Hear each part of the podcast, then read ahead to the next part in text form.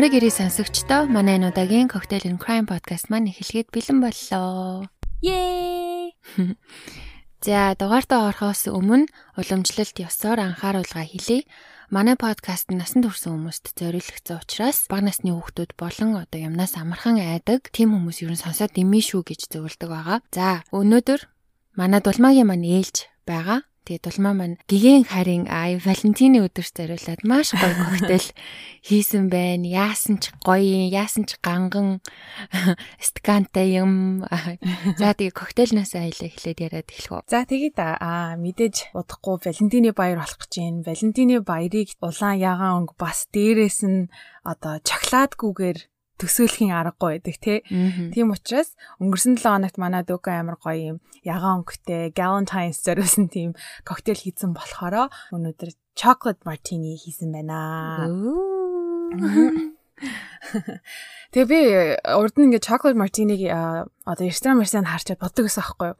Арай л чихэрлэг баха, арай л амар онцгой ингээд бялуурахаар баха гэж бодсон. Аа тэгээ яг подкастнда зориулаа за хийгээд үзье гэд хийж үзээд анхудаа өөрөө chocolate martini уусан чи амар гоё хэд юм бэ. Тэгээ хамгийн голноос өөрөө хийжсэн болохоор нөгөө орцыг нь бас тохируулаад те жоохон баг зэрэг чихэрлэг ч юм уу хийгээд үзсэн чи өстой гоё юм байна. Тэгээд энэ коктейл нь гурван орсон байгаа. Нэгдүгээрт мэдээж шоколадны ликер, тэгээ хоёрдугаарт Baileys нөгөө Irish cream байгаа. Тэгээд бас тийм баг зэргийн цагаан арх нэмж өгч байгаа. Тэгээ гурвангийн яг ижилхэн хэмжээтэйгээ хооронд нь холиод сайхан сэгсрээд шоколадны сироптой хамт одоо мартиныхаа аяганд хийгээд уух тийм шоколад коктейл байна. Тэгээ мэдээж хэрвээ нөгөө юм дэндүү чихэрлэг болчих юм бол архиа илүү нэмж болно. манайхан сонирхоод хийгээд үзээрэй. Үнэхээр гоё идэм бийлээ шүү. Яг бүр нэг юм шингэн торт ууж байгаа юм шиг гэх юм уу? Тэгээ би яаж байгаа нэг юм шоколад маклааданд амар дуртай болохоор бас гоё яла. Нэрийнээс аха. Долмаа маань нөгөө нутаг бутсан гэдсэн штэ гэдэг шиг. Аа тэгээ битээр бол одоо хоёр талд бичиж гин. Тэгээ зургийг хараа сууж гин орцсон их амархан бөгөөд ер нь хийхэд их амархан сонсогдож байна. Ер нь хийж үзнэ. Айгу гой сонсогдож байна. Бэйлээс орсон гэсэн шууд нөт зэрэгж штэ. Угаасаа би удахгүй буцаж очиад чамд хийж өгнө за. Оо за за тэгвэл тэгвэл хүлээж хийхгүй. Тэгвэл өөрөө хийхгүй. За маш гоё коктейл зааж өгсөнд бол маш их баярлалаа. Манайхан тэгээд гоё санаа аваад энэ жил те хайртай хүмүүсээ баярлуулад гоё чоколад мартинега хийж ууж үзээрэй. За тэгээд олон юм ярилгүй хоёлаа шууд хэрэгтэй орох уу. За тэгээд а. Энэ удаагийн хэрэг маань битээр юу нь бол ихэнхдээ Америкт болсон одоо хэргийг ярьдаг. Тив алгасаад, тив дамжаад Европт бас нэг хэргийг ярихаар бэлдсэн байна би өнөөдөр. Аа за тэгээд энэ хэргийн гол дүр нь болохоор а Софи Леоне гэдэг бүсгүй байгаа. За Софи гэх бүсгүй нь Франц улсын Паран гих жижигхэн хотод 1996 онд төрж өссөн. Софи охин ээж хойд ав дүүтэйгээ амьдардаг байсан бөгөөд түүний хүүхэд нас юм энгийн аз жаргалтай өнгөрсөн. Ер нь жижигхэн биетэй, хар бор үстэй, тийм нэг юм ичимхий дуу муутай хүүхэд байсан хэдий ч маш найрсаг, цайлган гэж найз нөхөд болон гэр бүлийнхэн гишүүд нь түүнийг үнэлдэг байсан. Софи гитар тоглох, ном унших, уран гулгалтаар гулгах гих мэт хоббитой амьтанд маш хайртай бүр амьтдын эрхийн төлөө тэмцэх тийм сонирхолтой тийм өрөвч зөөлөн сэтгэлтэй охин байсан байгаа. Амьтан гэлтгүү хүүхдэд бас маш их хайртай учраас ирээдүйдээ хүүхэдтэй холбоотой мэрэгжилтэй болох хүсэлтэй байсан. Тэгээд тэр хүсэлтэд хөтлөгдөн ахлах сургуулаа төгсөөд хүүхэд асрагчийн курсыг амжилттай дүүргэн 20 настайдаа төгссөн байгаа. За тэгээ мэдээж курсээ төгсөөд ажил олох гэж оролцсон боловч маш жижигхэн хүн ам зүйтэй хотод амьдардаг байсан учраас түүнд юусоо ажил олдоогүй. Тэгээ түүний нэг найз нь Англид баян айлын хүүхэд асрагчаар ажиллах боломж байдаг тухай хэлсэн. Тэр ажлыг нь болохоор au pair гэдэг бөгөөд одоо Франц гаралтай. Тэгээ шууд орчуулах юм бол ийм ижил тэнцүү гэсэн утгатай. Ажлын хувьд тайлбарлахад найны шиг одоо хүүхдийн асрагч мөртлөө цалинждгүү гэх юм уу та. Харин одоо яг гэр бүлийн гишүүн шиг гэрт нь хамт амьдардаг. Энийг ясандаа хүүхэд асарсныхаа төлөө гэрт нь гэр бүлийн гишүүн болж амьдраад дээрээс нь 7 хоногийн ч юм уу сарын ч юм уу байдлаар одоо карманы мөнгө авдаг тийм а ерөнхийдөө 18-аас 30 насны эмэгтэйчүүд ихэнхдээ хийдэг тийм ажил байгаа. Иймэрхүү ажилд ихэнх айлууд гадаад хэлтэй хэлтэй хүнийг авах амар сонирхолтой байдаг. Тэгээ ялангуяа англид болохоор Франц юм уу герман хэлтэй хүмүүсийг маш ихээр сонирхож одоо асрагчаар ажил авдаг. Заавал гадаад хүнийг авах сонирхолтой бай гэхээр хүүхдүүддээ ингээ багаас нь давхар хэл сургах хүсэлтэй учраас гадаад хүмүүс авах сонирхолтой. Тиймээс София нэгдүгээрт хүүхдэд хайртай, хүүхдийг сайн асарч чадна.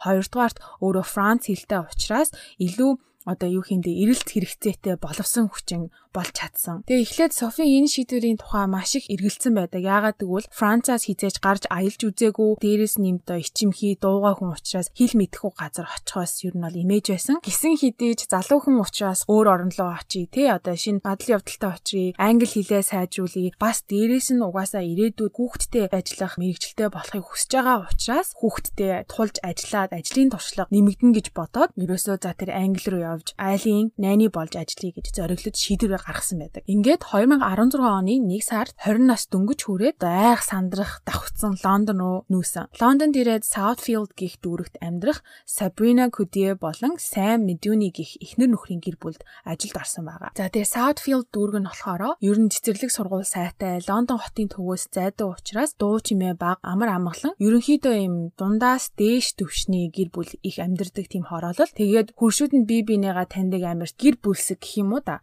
Тийм хороолол байгаа. Бацаа айлынхан гэрийн эзэгтэй Сабрина Кудюр гэх эмэгтэй а нөхөр нь болохоор Үсэм Медүни гэх хоёулаа тийм Алжир гаралтай Франц улсын иргэд Лондонд ажиллаж амьдардаг хосууд байсан. Нөхрийг нь болохоор Sam гэдэг учраас үүнээс хойш түүнээс цааш Sam гэд дуудаад явчих. Sabrina Sam хоёрын хувьд 2002 онд Парис байхад хоёулаа танилцж байсан. Тухайн үед 19 настай Sabrina Park дээр чихэр зардаг лангуун дээр ажиллаж байхад нь Sam хараад одоо бараг анхны харцаар дурлсан байд. Тэгээ Sabrina-гийн араас гүүсээр байгаа тэр хоёр удалгүй татансан одоо үерхэж эхэлсэн. За үерхэж эхлээ 3 жилийн дараа Sabrina 22 настай байхдаа Лондон руу ажилд орохоор нүүсэн байдаг. Sabrina-гийн орсон ажил нь яг нөгөө Софи охин шиг бас юм хүүхдийн асрагчаар ажилд орсон. Хайртай бүсгүйгээ ганцаарныг явуулахыг хүсээгүй учраас Сэм ажил хайсаар агаад Лондонд байх банкнд санхүүгийн аналистаар орсон байд. Энэ хүү хосууд 2005 онд Лондонд ирэн суурьсан бөгөөд тэдний амьдрал бол ер нь цэцэглэж эхэлсэн байгаа. Тэдний амьдардаг хаус нь болохоор 1 сая ам долларын үнэтэй гой байранд амьдардаг. Тэгээ Сабринаж гэсэндээ хүүхэд харах ажлаа болоод мөрөөдлийнхөө мэрэгжил болох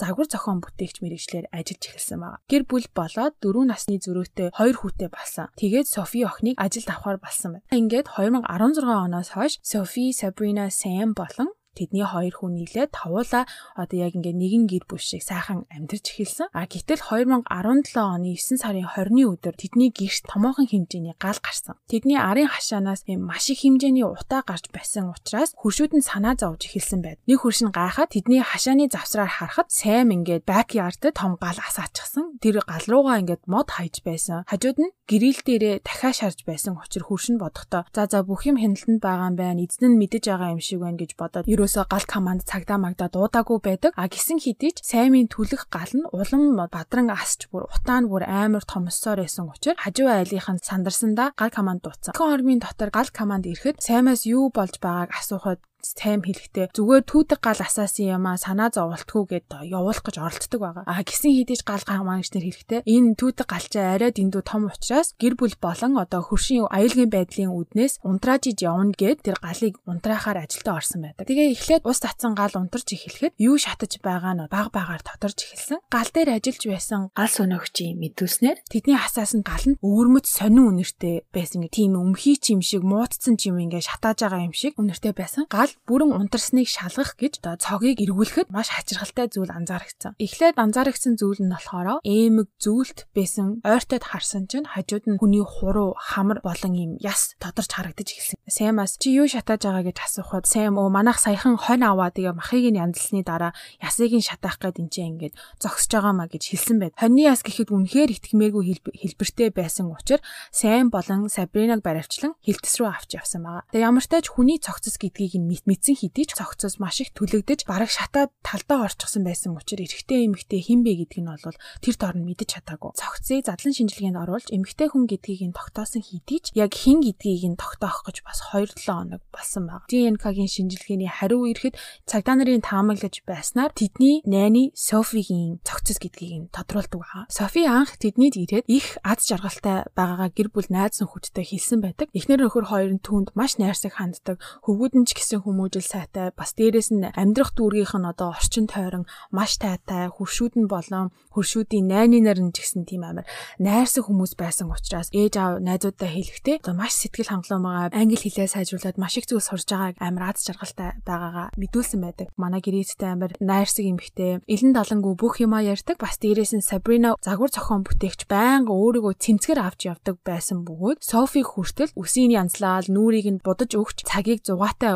өнгөрөөдөг байсан гэж. Энэ байдлаа хүртэл ингээд дүрс бичлэгдээр буулгасан байсан бөгөөд жаргалтай эрүүл харагдсан учраас Софигийн ээж аав нь маш сэтгэл хангалуун байсан. Сабрина Сэм хоёрын гаднах байдлыг ачаад тийм маш цэвэрхэн бие авч явдаг хосууд Сабрина хизээж нүрээ будаагүй явдаггүй. Байнга ганган хувцалдаг. А Сэм ч гэсэндээ бас адилхан дандаа ийм костюм бижагтай ер нь ийм бэлтгэлийн хувц өмсдгүү ч юм уу тиймэрхүү хувцалдаг хосууд байсан. Тэгээ хоёулын энэ гаднаас нь ингээ харахад ер нь амжилтанд хүрсэн аз жаргалтай гэр бүл шиг харагддаг байсныг тэдний зарим хуршүүд болон байнга үйлчлүүлдэг байсан ресторан болон дэлгүүрийн эздүүд дурдсан байд. Хичнээн ганган цэвэрхэн гэр бүл шиг харагддаг байсан хэрнээ хогоо эн тэндгүү хайдаг, хогийн сав нь байн дүүрэн гудамжинд байж идэг. Тэгээ хашаа хороогоож цэвэрлдэггүй. Дээрээс нь ийм нилээн хүүтэн хүмүүс байсан гэж одоо хуршүүд нь тийм хоёр өөр мэдээлэл өгсөн. 2002 онд танилцаад 2017 он хүртэл одоо ер нь 15 жилийн хугацаанд Sabrina Sammy араар байнга тавьдаг. Албан ёсоор яг ингэ гэрэлсэн гэсэн тийм муслим шашны гэрлэлтийн гэрчлэгээтэй хэдий ч Sabrina олон нийтэд Sammy хамаатныхаа залуу эсвэл найзаа гэж танилцуулаад нүдэн дээр нь залуучуудтай дураараа үерхдэг байсан. Тэгээ Сабринагийн аашнаас болж тэр хоёр байнга хэрэлдэж одоо салж нийлдэг байсан. Тэгээ хичнээн Сабринагаас болоод салсан хэдий ч Сэм түүний гуйгаад л буцаад нийлчихдэг. Тим хортой токсик харилцаатай. Тэгээ 15 жилийн турш ингэж явсан байгаа. А тэгээд 2011-ээс 14 оны хугацаанд 3 жилийн хугацаанд салсан байдаг. Тэр хугацаанд Марк Walton гэх Ирланд гаралтай Англид олон нийтэд танигдсан од залуу уу та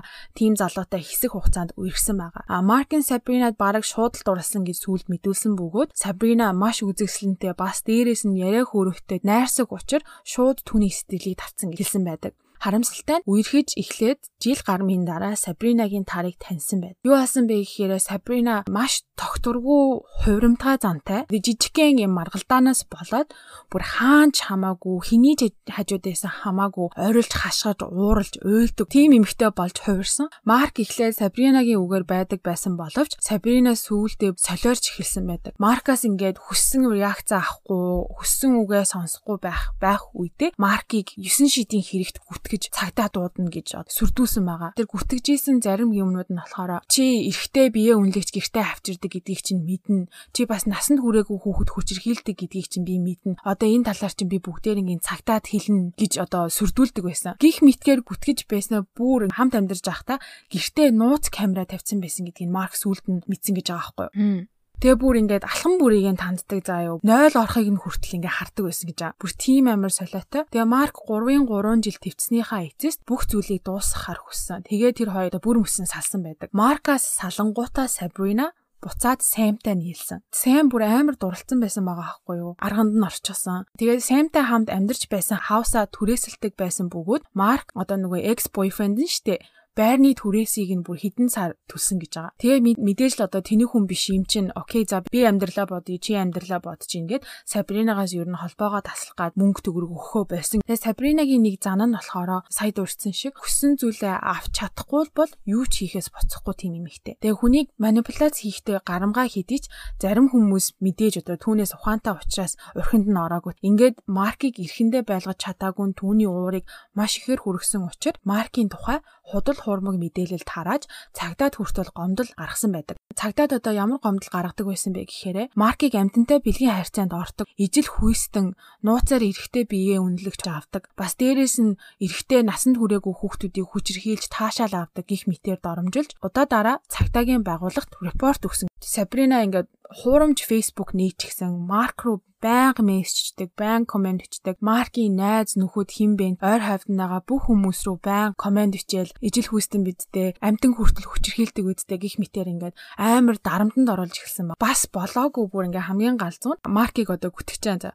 Нистэг тэргээр тэр намайг тагнаад амар амгалан байлахгүй байна. Манай байрны дээгүүр байнга нистэг тэрийг нисээд Марк алхан бүрийг минь тандаад байна. Тэгээ намайг гэлтгүү манай гэр бүлийг минь ч гэсэндээ сүрдүүлээд онгоцоор дагаад яваад байна гэж бүр 30-аад удаа цагтаад гомдол гаргасан баг. цагдаа нар мэдээж одоо хамгийн ихний хэдэн удаа залхахт нь сериосны хүлээж аваад маркийг шалгасан боловч Сабринагийн хэлсэн бүх юм худлаа байсан. Ямар ч үндэслэлгүй, ямар ч нотлохоогүй байсан. Тэгээ цагдаа нар сүултээ бүр за дахин залгаж маркийн тухай гомдол гаргах юм бол өөрийг чинь хуулийн хариуцлага хүлээлгэн шүү айлгаж ийж бүр зогсоосон гэж Сабринаас хүмүүст хэлэхдээ Марк надад хараал хийлгсэн учраас би түүнийг ингээ мартаж чадахгүй ингэж их зовж гин гэж хүмүүст хэлдэг. Тэгээ бүр юм delusional буюу солиорчсон. Тэгээд тухайн үед нь Францаас Софи тэднийд ажиллахаар ирдэг. Софиг ирээд жил хагасын дараа Сабринагийн зан аранш нь өөрчлөгдөж эхэлсэн. Нөгөө нэг найрсаг эмэгтэй чинь гинт гинт Софи руу уурлаж загиндаг болсон бөгөөд сүйд одоо шүүх хурлаас харахад obsessed болчихсон байсан тэр экс найз залуу Маркийг Лос Анжелес хот руу нүгээд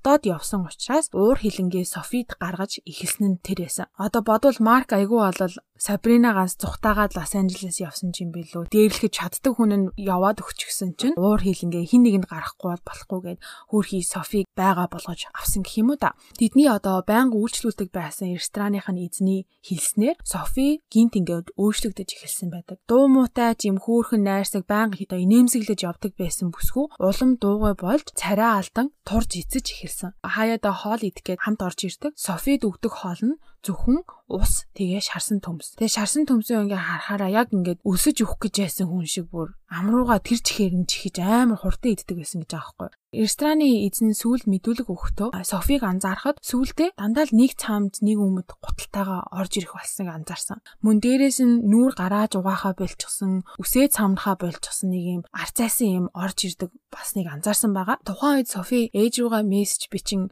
гэртээ харахыг хүсэж байгаагаа хэлсэн хэдий ч зардлаад авах боломжгүй байгааг хэлсэн.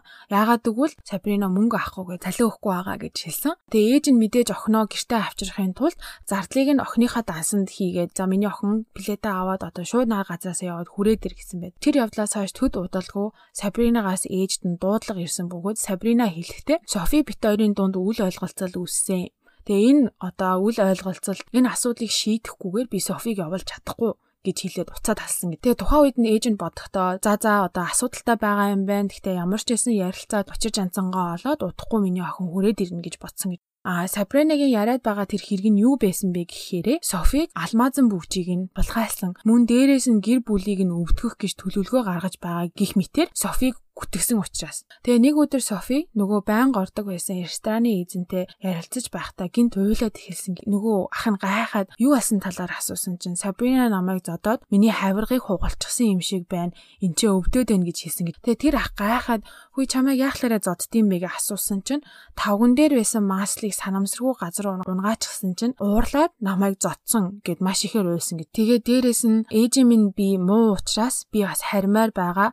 Гэвч одоо явах надад боломж байхгүй надад мөнгө авахгүй байна гэж хэлэхэд нөгөө ах нь Софи за би чамд гэртээ хайрах тийзний мөнгө өгөө эсвэл би чамд өөр ажил олж өгье. Манай найз бол дуртайя чамайг ажилд авна гэхэд Софи заач гээгүй үгүйч гээгүй толгоогоо дохин сууж байгаад харьсан Тэр явдлаас хойш хэдэн хоногийн дараа тэр рестораны ах дээр Сабрина Софиг чирж ирээд юу яриад байгаа нь мэддэхгүй орилж хашгирч гарсан. Тэгээд рестораны ах нь Сабринаг тайвшруулах гад ярьж байгаа юм ойлгохгүй байна. Та хоёр яагаад ийм болвоо тайлбарлаж хэлээж гисэн чинь сүүлдээ Сабрина Францаар хэрэлдэж орил эхэлсэн учраас нөгөө ах нь за за энэ хүүхэнтэй би угаасаа уучраа олж чадахгүй маань ядж хахад өөр хэлээр яриад байгаа болохоор тэрийг нь ойлгохгүй би юусэн энэ асуудалд хамаагүй оролцож болох болохгүй юм байна гэдэг тэр хоёрыг орхиод явсан байгаа. Энэ явдлаас хойш Софигийн амсах дарамт нь улам бүр гүнзгийрсээр гүнзгийрсээр Софи эцэст нь одоо амь насаараа хохирсон. Сабрина Сэм хоёрыг баривчлан хэрэг үүсгэхэд анхны мэдүүлэг дээр Сабрина уйлж унжин би халаагүй штэ тэ хүмүүс намайг гин бүрөөгүй гэдгийг нь хэлээрээ би юу ч хийгээгүй шүү бүх зүйлийг сайн хийсэн би юу ч мдээгүй би ямар ч буруу зүйл хийгээгүй гэж уйлж унтсан байдаг А харин сайн тайван байсан хэдий ч бүх зүйлийг Сабрине дээр тогссон. За тэдний гэрийг нэгчгэд олцсон нотлох баримтаас хамгийн чухал нотлох баримт нь Сабринагийн гар утас байсан. Сабринагийн утсан дээр Софиг тарчлааж байгаагаа бичсэн аудио бичлэг болон дүрс бичлэг байдаг. Тэгээ олцсон бичлэгнээс харахад Сабрина Софиг экс над залуу болох Маркийн тагнуул явуулддаг бүсгүй гэж гүтгсэн байгаа. Тэгээд нас барахаасаа 12 7 хоногийн өмнөөс ер нь бол Софиг дарамтлах одоо хүчирхийлэл эхэлсэн байдаг. Дарамтлж хүчирхийлэх болгондоо бичлэг хийдэг байсан. Тэгээ хамгийн ихний бичлэг нь нас барснаас 12 7 хоногийн өмнө эхэлсэн гэхээр бүр хідэн сар зовсон байгаа байхгүй юу. Энэ бичлэгнүүд хамгийн анх эхлэхдээ Софи байцааж байгаа мэтээр эхэлсэн. Бичснээс харахад эхлээд түүний бичиг баримт, мөнгө, сүүлдээ бүр хувцас хунар гэ бүх юмыг нь хурааж авсан. Хэрвээ чи үннээ хэлэхгүй бол чиний мөнгийг өгөхгүй, үннээ хэлэхгүй бол хувцсыг чинь өгөхгүй гэх мэтээр маш их дарамтлж байцааж исэн мэдээж Софи охин те тэр Маркийг танихгүй мэдхгүй юм чи үннээ хэлээд юу яриад байгааг чинь би мэдэхгүй байна. Би тэр хүнийг танихгүй гэд хэлэхэд Сабрина бүр Софи руу уурлаа чи үннээ хэл хэрвээ үннээ хэлэхгүй бол би чамд хоол өгөхгүй гих мэтээр дарамтлж байсан байгаа. За тэгээ дуу бичлэгнээ сонсоход Сабрина чи Маркийн найз бүсгүй үсттэй. Би чамайг мэдчихээн чи түүний тагнуул. Тэрийг л хэлчих Үннээ хэл хэрвээ үннээ хэлэхгүй бол би чамаа хизээж Франц буцаахгүй. Чи миний амьдралыг сүйтгэсэн шиг би чиний амьдралыг сүйтгэж дуусна гих мэтээр Сабрина орилж байгаа нь сонсогддог. Тэгээ энэс хагаар бүр ex-boyfriend Маркта бүр юм донтоод солиорчсон Софиг гэрт нь найны маягаар оруулаад нөхөр хүүхдийг нь өвтгөж зовоох гэж ирсэн тагнуул гэдэгт бүр юм бүр 100% итгэчихсэн байсан байгаа байхгүй Сабрина. Софиг байцааж байхдаа бичлэгийг нь сонсоход чи үннээ хэлэхгүй бол чи шоронд удаан хугацаагаар орно Чи мэдэж гин үү? Дор хай чи 40 жил амьтан шиг торонд амьдна гэж бодтоо гих мэтэр хэлж байсныг нь харахад бүр үнэхээр Марк Софи хоёрыг нийлээд өөрийнх нь эсрэг тэмцэж байгаа гэдэгт бүр бат итгэлтэй байсан харагдаж байгаа. Мэргэжилтнүүдний үзснээр Сабрина манипуляц хийхдээ гарамгай байсан учраас Саймыг бүр гартаа бүрэн хатгсан байсан. Анх танилцахаасаа эхлээл ер нь бол толгойг нь эргүүлж өөрийн болгож авсан. Тэгээ бичлэгээс харахад Сабрина л ихэнх байцаалтыг хийдэг байсан. Дээрээс нь Сайм бүр Сабринагийн иргэшээлд манипуляц цаст нь орцсон ухаан мэдрэлээ алдчихсан байсан учраас эхнэрийнхаа хүссэн юмыг нь хийж байвал тэр нь зөв буруу бол ерөөсө хамаа ахгүй болчихсон. Тийм болтлоо бүр ингээд толгоогоо алдаад Сабринагийн гарт орчихсон байгаа байхгүй. Мөн дээрэс нь одоо бичлэгээ сонсоход Софиг түлхэж алгадаж зодож байгаа нь хүртэл одоо сонсогддог. Шүүх хурал дээр Сабрина хэлэхдээ Софиг алгадаж байгаа юм бишээ. Би зүгээр өөр юм зогсож байгаа гих мэтэр одоо өөрийгөө өмгөөлөх гэж оролцсон боловч мэдээж хинж түнд итгээгүй. Тэгээ сүүлдээ охиныг байны өрөөнд оруулан толгойг нь усанд дүрж waterboard хид хідэн удаа хийсэн байт. За тэгээд 2017 оны 9 сарын 18 буюу гал гарахаас 2 хоногийн өмнө түүний од сүүлчийн байцаалтыг видео бичлэгээр хийсэн байсан. Тэр бичлэгээс харахад Софи бүсгүй бүр амар турж ицээд шал өөр хүн болчихсон байсан. Тэгээ тэр бичлэгт үннээ одоо өгцөн. Үннээ өгсөн нь юу вэ гэхээр би маркетаа хувилцсан би бүх зүйлийг маркетаа хувилдаж хийсэн. Би буруутай гэж хэлсэн байдаг. Тэгээ мэдээж энэ бол худлаа. Яагаад гэвэл аргаа бариад тэг бүр 12 7 хоног гэдэг чинь 3 сарын турш ингэж тарчлааж зовсныхаа эцэс за а магадгүй энэ хоёрын хүссэн хариултыг нь хүчих юм бол би суллагдаж магадгүй гэж ботсон байх. Хамаг бурууга хүлээснийхэн дараа Сабрина Одоо тэгээ Маркийн хаус хаана идэв? Хаана амьдэртیں۔ Чи түн дуртай эзтэй. Би яг чамайг ийм гэдгийг чи мэдэж яасан. Яагаад гэвэл чи гадуур явчаад гэртээ ирэхдээ чамаас дандаа секс үнэртдэг байсан гэж хэлж байгаа нь сонсогддог. Шүүх хурлын явцад Сабрина Софиг одоо түлхэж дээрлэгдэг байснаа хүлээн зөвшөөрсөн хэдий ч зодож тарчлааж байгаагүй гэж гүрийсэн. Софи бүсгүүн цогцос гүн шатсан байсан учраас өхлийн шалтгааныг нь харамсалтай тогтоож чадаагүй. А харин задлан шинжилгээнээс олдсон бусад хариуг харахад дөрвөн хойборг нь хугараад удсан. Тэгээ цээжний гол яс нь нас барахаас 3 хоногийн өмнө цуураад бараг хугарчихсан байсан. Мөн нас бардаг өдрөө ирүүн хугарсан гэдгийг тогтоосон байна. Тэгээ шүүх хурлдаа Сабрина болохоор Софиг одоо ясыг нь хугартал тарчлааж байгаагүй гэж гүрийсэн. Хоёулаа тэгээ би биендээ бүр ураг тохоод байсан байна. Сэм хамгийн анх дүлэг өгөхдөө Софи бүсгүн толгойг усан доор барьж байцаалт авснаа авсан гэдгээ одоо хүлээн зөвшөөрч хэлсэн байдаг. Тэгээд амьсгал хураахт нь сандарсан гэдгээ хэлдэг. А гисэн хэдий сүүлд мэдүүлгээ өөрчилсөн. Саймас чи яагаад мэдүүлгээ өөрчлөх болсон талаар асуухад Сабринаг хамгаалахын тулд ингэж худлаа ярьсан гэж хэлдэг байгаа. А тэгээд мэдүүлгээ өөрчлөөд юу гэж хэлсэн бэ гэхээр Софиг нас орсон орой би унтаж байсан. Шүн байны өрөөнд ус дуурж авах дуунаар би сэрсэн. Сэрээд би байны өрөөнд ороо хартал Сабрина аль хэзээ Софиг алчихсан хэвтэж байсан. Тэгээ би гайхаа чи юу хийчих вэ гэд сандарсан гэж хэлдэг. А харин Сабринагийн мэдүүлэг болохоор яг эсэргээрээ би унтаж ахад байны өрөөнд ус асгарах дуу чимээ гарсан. Тэгээ би сэрээд байны өрөөнд ороод харахад Сэм Алхизинэ Софиг алчихсан. Одоо амь оруулах гад сууж исэн гэж хэлсэн байгаа. Тэгээд хамгийн анх гал сунагч нар ирэхэд түүдэг галынхаа хажууд дахиад грилдэд зогсож байсан гэж дурдж исэн.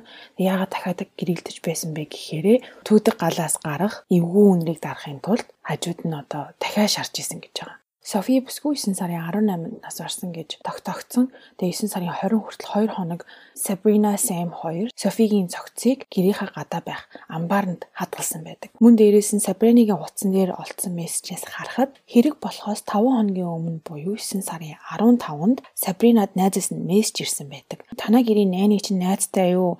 Надаас ийм найны хэрэгтэй байна. Би бүр аргаа бариад чам руу мессеж чиж гин гэж гисэн байдаг. А Sabrina хариуд нь уучлаарай найзаа манай найны аль хэзээ Франц буцаж авсан. Ер нь бол иймэрхүү хүмүүс итгээд хэрэггүй юм биш үү гэж мессежсэн байдаг. Энэ митийн нотлох баримтаас харахад Сабрина Сэм хоёр ер нь бол Софиг ингэж ташлаан зовоосныхаа дараа нэг мөсөн одоо дуусгана гэсэн төлөвлөгөөтэй байсан нь харагдаж байгаа. За тэгээ хоёулаа бүсгүн үхэлд холбоотой гэдгийг нь одоо баталсан хэдий тэдний оноогдох ялыг тодруулахын тулд хин яг юу хийсэн бэ гэдгийг тогтоох шаардлагатай. Тэгээд шүүх хурал дээр Софи бүсгүй нас барахад Сабрина Сэм хоёрыг хоёулангийн 0-д байсан бас дээрээс нь Breeze буюу одоо амьсгалаараа амьсгалаараа гэж хэлж хэлхийг сонссон байдаг гэрч. А тэгээ хамгийн сонирхолтой нь энэ гэрчийг яг хин гэдгийг нь юусоо ямар ч мэдээлэлээр дурдаагүй байсан. Тэр шүн гэрт нь байсан гэрч гэхээр миний бодлоор хоёр хүүгийнх нь нэг нь юм шиг байгаа. Мэдээж хэрэгт холбоогүй бага насны хүүхдүүд учраас ирээдүг нь хамгаалахын тулд тэдний мэдээллийг олон нийтэд цацаагүй бас дээрээс нь одоо шүүхийн танхимд гэрчээр оруулахдаа олон нийтэд зарлаагүй байх гэж би бол ойлгосон. За тэгээ шүүх хурал Сабринагийн ex boyfriend Mark ирэн асуултанд хариулсан бөгөөд Софи Маркийг мэддгүү таньдгүү гэж асуух асуултанд Марк би наад эмэгтэйг чинь царайгийн чарж байгаагүй нэрийг нь ч мэд хэрэг хамгийн анх гараад цагдаагийн байгууллагаас надтай холбогдоход л би наадыг хүнийг чинь мэдсэн. Тэрнээс бол би өмнө нь юусоо мэдхгүй гэж мэдүүлсэн байдаг.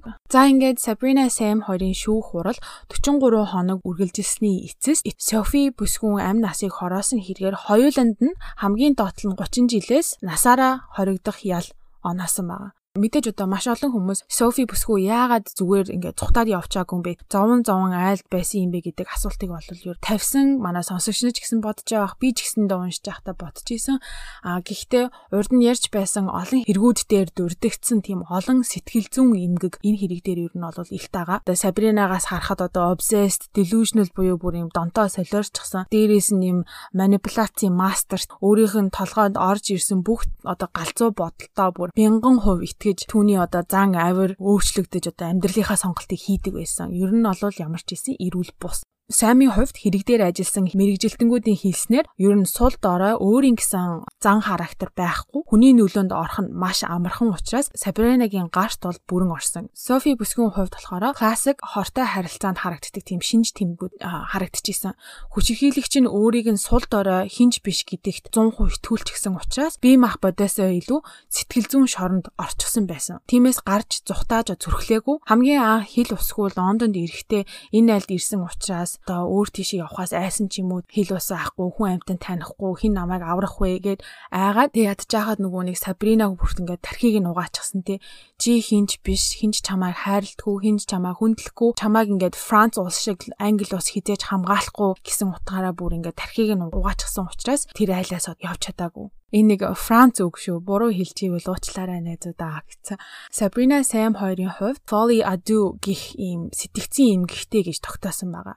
А Folly Ado нь болохоор Франц үг бөгөөд орчуулах юм бол Madness for Two буюу хоёр хүний галзуурал. А англиар сэтгэл зүйн шинжлэх ухаан dual psychosis нэрлэдэм бэлээ. Энэ нь ямар эмгэг вэ гэхээр төөрөгдөл солиорол заримдаа бүр хий юм харах нь нэг хүнээс нөгөө хүнд халтдаг тийм сэтгцийн эмгэг Тэгэхээр энэ кейсэнд Сабринагийн Сабринагийн өвчнөө саймд халтаж одоо хоёулаа юм солиорсон байгаа. Өнгөрсөн 7 хоногт ярьсан чиний хэрэг вэ штэ. Fred болон Rosemary West тэр хоёрыг чинь бас Folia Do гэж онштой гэж явд юм бэлээ. Тэгээ ингээд мэдээлэл бас ийм баримтат киног нь үзэж байхад түүний хуршүүд нь сүлд хэлэхдээ ийм аимшигтай зүйлд тэдний гэрт болж байсныг бол үнэхээр төсөөлөөгүй гэж хэлсэн байдаг. Аа яг мэдээж ингээд сонин айл те энэ сонин харьцаатай гэж боддог байсан хэдий ч хизээж юм галзуу юм болж байгаа гэж юусоо төсөөлөөгүй. А харин тэр нөгөө байнга ордог байсан рестораны тэр ах сүлд ярилцлага өгөхдөө бүр уйлаад би хизээж юм амжтай те үр дүнд хүрнэ гэж би юусоо бодоагүй. Хэрвээ би илүү жоохон өөрийгөө хүчлээд Софид тусалсан бол хизээж юм зүйл болохгүй байсан гэд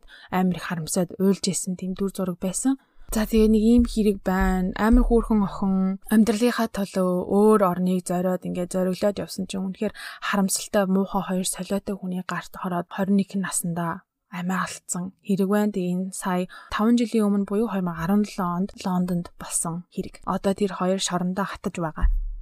Йоо энэ 21 настай гэсэн чинь те тэр нөгөө амар эцэц цутцсан зургийг харсан чинь бүр өгшөн өшөө болцсон юм штэ. Өрөвдмөр юм аа. Тэгээд ийм саяхан болсон хэрэг гэхээр бас ерөөсөө одоо хүртэл ерөөсөө ингээд итгэж чадахгүй гэх юм уу? байгаад ах юм. 2000 оноос хойш гэх юм уу ер нь бол босын явдал гэмт хэргийн тухай одоо телевизээр болон кино болоод YouTube мөтөв гарснаас хойш ялангуяа бүр маш дэлгэрэнгүй ингээд бүр бүх детальтай ингээд дэлхийд даяар ярддаг болж штэ. Тэгэхэд одоо болтол ийм өндөр хөгжилтэй оронд яг ингээд нүдэн дээр нь ил байгаад хахад хин ч юм хэлхээ хэлэхгүйгээр бас дахиад ингээд хэрэг хэрэг болоод байна гэхээр бас амар харамсалтай. Чи уул наах хэлжсэн шүү дээ. амьдрдаг хотхон ч гэх юм уу. Энэ нь айгүй тийм гэр бүлсэг, чигтэйгэл хооронд айгүй ойрхон найрсаг одоо team neighborhood гэж яриадсан мэт тий. Тэг team байсан байж иж яагаад нэгэн ч юм хэлээгөө яагаад нэгэн ч чи зүгээр үг гэж одоо асуугаад ч юм уу цагдаа магдаа дуудаад шалгуулж болоогүй бол гэж бас амар харамсаж байна. Нүдэн дээр нь те ингээд бүр abuse байгаад яваад хахад цагдаа магдаа дуудчихаагүй юм байж ич нэг муу гал гарангууд дутцсан ч ах шиг гэж бас бодогдлоо. Харин тийм яг нөгөө өөрийнх нь гэрлүү нөгөө гал нь ойртоод ирсэн чинь сандарч мандраа тэгээд баримтат киног нь үзэж байхаа тэр баримтат кинон дээр ярилцлага өгсөн хүмүүс эмэгтэйчүүд ялангуяа зүгээр нэг юм зурагтаар гарах сонирхолтой юм шиг надад санагдсан яг үнэндээ. Тэгээ ингээ ярьж байгаа байдлыг ингээ харахад хүртэл өстой аим шигтэй, өстой аймаар юм болсон. Гисэн хэдийч өөрсдийнх нь өгж байгаа мэдүүлэг нь болохоор ийм юм болж исэн, тийм болж исэн. Софи хүртэл ийм царайтай нэг өдөр гарч ирсэн. Тэгсэн, тураад исэн, ицээд исэн, хувцас ялахгүй өнгө алдчихсэн. Гэт тэрийг амар ярьж байгаа мөртлөө яг ямар ч арга хэмжээ аваагүй байхгүй юу? Тэгснэ хамгийн сүлд нь нүдэн дээр нь өөрчлөгдөөд нүдэн дээр нь хүчирхийлүүлээд ах чинь сүлд нь ийм амар юм болсон гэдгийг ста нэрээ төсөөсөн чгүй гэж ярьж байгаа надад амар зэвүүн санагцсан. Аа яг өөрсөнд нь болоогүй ч юм уу яг өөрсдийнх нь эцэг их ч юм уу хүүхдэд нь болоогүй байгаа нэг жоохон өөр хүмүүст тохиолдоод байгаа юм болохоор ингээ нүдэн анаад өнгөрөөд ах шиг байгаа юм тий. Тэгээд мэдээж тэгдгүү одоо юу гэдгийг одоо бусдыг гэсэн сэтгэлтэй ч юм уу одоо айгүй тийм хүмүүс байдаг л да. Ихэнх тохиолдолд хүмүүс жоохон нүдэн анж өнгөрчихгөөд байдаг. Тэгээд би саяхан нэг TikTok үзчихсэн байхгүй юу? Нэг эмэгтэй машин дотроо ингээд суудсан бүр ингээ амар уйлцсан. Тэгээд if you see something say something гэдэг үгийг амар ингээд урайлж хэлж исэн. Тэгээд өөртөө тохиолдсон юм хэлээд яасан гэсэн чи өөрөө ингээд хүнс цуглуулад тэгээд тэрийг ингээд хүргэж өгдөг тий хүнс delivery хийдэг эмэгтэй байсан. А тэгсэн чинь нэг захиалга орж ирсэн чинь хөгшин аавда одоо хүнсийн төхүүлж өгж байгаа эмэгтэйн захиалгыг авсан юм байл та. Тэгээ манай юм аа багамаа тэгээд хүнд өвчтэй ч гэлөө хөвшин настай ч гэлөө тэм хүн байдаг учраас одоо гэрт нь оруулаад өгчөөрэй гэж гуйсан байсан. Тэгээд тэг хаалгаар нь оруулаад өгсөн чинь гэрээс нь юм эвгүй өнөр өнөртэйдсэн гэж аахгүй юу? Тэг ингээ аав нь бүр тэр эрэгтэй хүн ингээ нүдэн дээр нь одоо сонин эвгүй царайлцсан те. Би харвас би энэ муу байгаа нь мэдэгдээд тэгээ тэр эмэгтэй бол яг тэ зүгээр хүнсийг хүргэж өгж байгаа delivery жолооч хүн. А гэхдээ одоо уг нь бол professionally одоо тийм илүү үйлдэл хийх ёсгүй. А гэхдээ тэр эмэгтэй үнэхээр тэр өгшөөнийг нүдэн дээр намр хэцүү байсан. Харагдажсэн учраас юу байсан байгаа байхгүй буцаад тэр нөгөө захиалга өгсөн охинд нь чи аавгаа эргэж ирээд ингээд чек те чек хийгээч нэг л юм болохгүй ах шиг байна. Гэр мөрт нь ингээд хий алдагдсан ч юм уу нэг тийм эвгүй өнөр өнөртэй дээ чи шалахгүй бол болохгүй хаа гэд хэлсэн чи нөгөө эмэгтэйнд баярлаа. За окей баярлаа гэд өнгөрсөн мод тэгсэн чинь үнэхээр шалгуулсан чинь гэрт нь нөгөө газ лик хийсэн. Тэгээд ингээд баг багаар ингээд угаартцсан тэр хөгшин хүн тэг хүүхд хоёр байсан байгаа хгүй юу. Тэгээ хэрвээ тэр эмэгтэй одоо ямарваа нэг юм хэлээг байсан бол би ингээ аавгаа тэгээд алдах байсан. Ингээ чамд маш их баярлалаа дараа нь ингээ холбоо ирсэн гэж байгаа. Тэгээ тэр эмэгтэй бичлэг надад бүр ингээ амар одоо зүрхэнд хүрсэн. Тэгээ ингээ if you say something say something ямарваа нэг юм харах юм бол тэр талаараа одоо ямар нэг буруу юм гэх юм уу те? Харах юм бол тэр талаараа заавал нэг юм хилээд одоо эргэн тойрныхоо хүмүүст ч гэдэм үү одоо цагдаа магдагаас гуугаад шалгаад өгөөч гэд одоо тийм сэтгэлтэй байгаа ч ил гэж бас хэлмээр санагдчихээн хөөхөн энэ моохныг рестораны ах болохоор хөөхөн бас чатгаараа байсан юм шиг.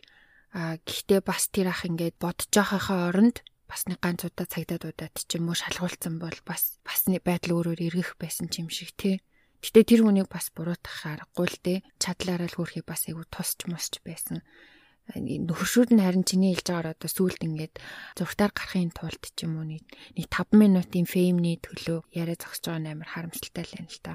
Тэгээ тийм л мэдэрж исэн, тийм л нүдэн дээр юм болоод тахад мэдчихсэн юм бол яагаад ямар нэг юм хийгээгүй юм бэ? Тийм шүү дээ. Мухаа ингээ уур хүрээд ах юм. Өөдгүй юм а тий амар гомдоод ах юм. Тэгээ сүүлд нь ингээл нэг баримтанд кинонд ороод ийм юм яриа сууж авах гэж бол бас харамсалтай санагдсан. Аа маш харамсалтай хэрэг байна. Энэ хэргийн талаар бас сонсож байгаагүй юм байна. Тэгээд аа маш дэлгэрэнгүй ярьж өгсөнд улмаадаа баярлалаа. Тэгээд сонсогчдоо бас дахиад нэг урайлахад тий хэрвээ эргэн тойронд чи ямарваа нэг юм болж байхыг чи анзаараад харсан бол тэрнийхэн төлөө дуурч чаддаг сэтгэлтэй байгаарай л гэж урайлъя. За тэгээд одоо энэ хүртэл бит хоёрын подкастыг сонссон хүмүүс хэн байдаг вүлээ дулмаа. MVP. За бүх MVP нартаа маш их баярлалаа. Аа за тэгээд манай энэ удаагийн дугаар болон одоо бит хоёр хийж байгаа таалагдсан бол та бүхэн сонсож байгаа сонсож байгаа платформ дээрээ дэмжиж а subscribe дараад лайк дараад од 5 одоо өгөөрэй. За 5 чашиг одоо хүссэн хүссэн одоо өгөөрэй. За тэгээд 5 од өгөхгүй бол юу ч бити өгөөрэй. Оо. За тавсан даасан. Юу сайхан дуур сайхан тэгээд мэдээж бит хоёр бол шүмжлэлийг бол сайнаар хүлээж авна. Тэгээд манайхан Валентина одоо хосууд нь тий Валентина сайхан тэмдэглээрээ. Тэгээ хос бишүүд нь Галентина сайхан тэмдэглээрээ. Аа. Тэгээд ямар ч байсан заавал тэгээ хос хос бэжж Валентин тэмдэглэх албагүй штэ зүгээр 14-ний бүгдээрээ зүгээр тий хайраар дүүрэн өнгөрөөхөд л болоо штэ. Ээж аав гэр бүл найз нөхөд бүгдээрэндээ хайртай гэдгээ илчлээрээ за. гэж уриалмаар байна. Тэгээд за тэгээд дараа дараагийнхаа дугаараараа дахин уулзтлаа. Түр баяртай. Bye.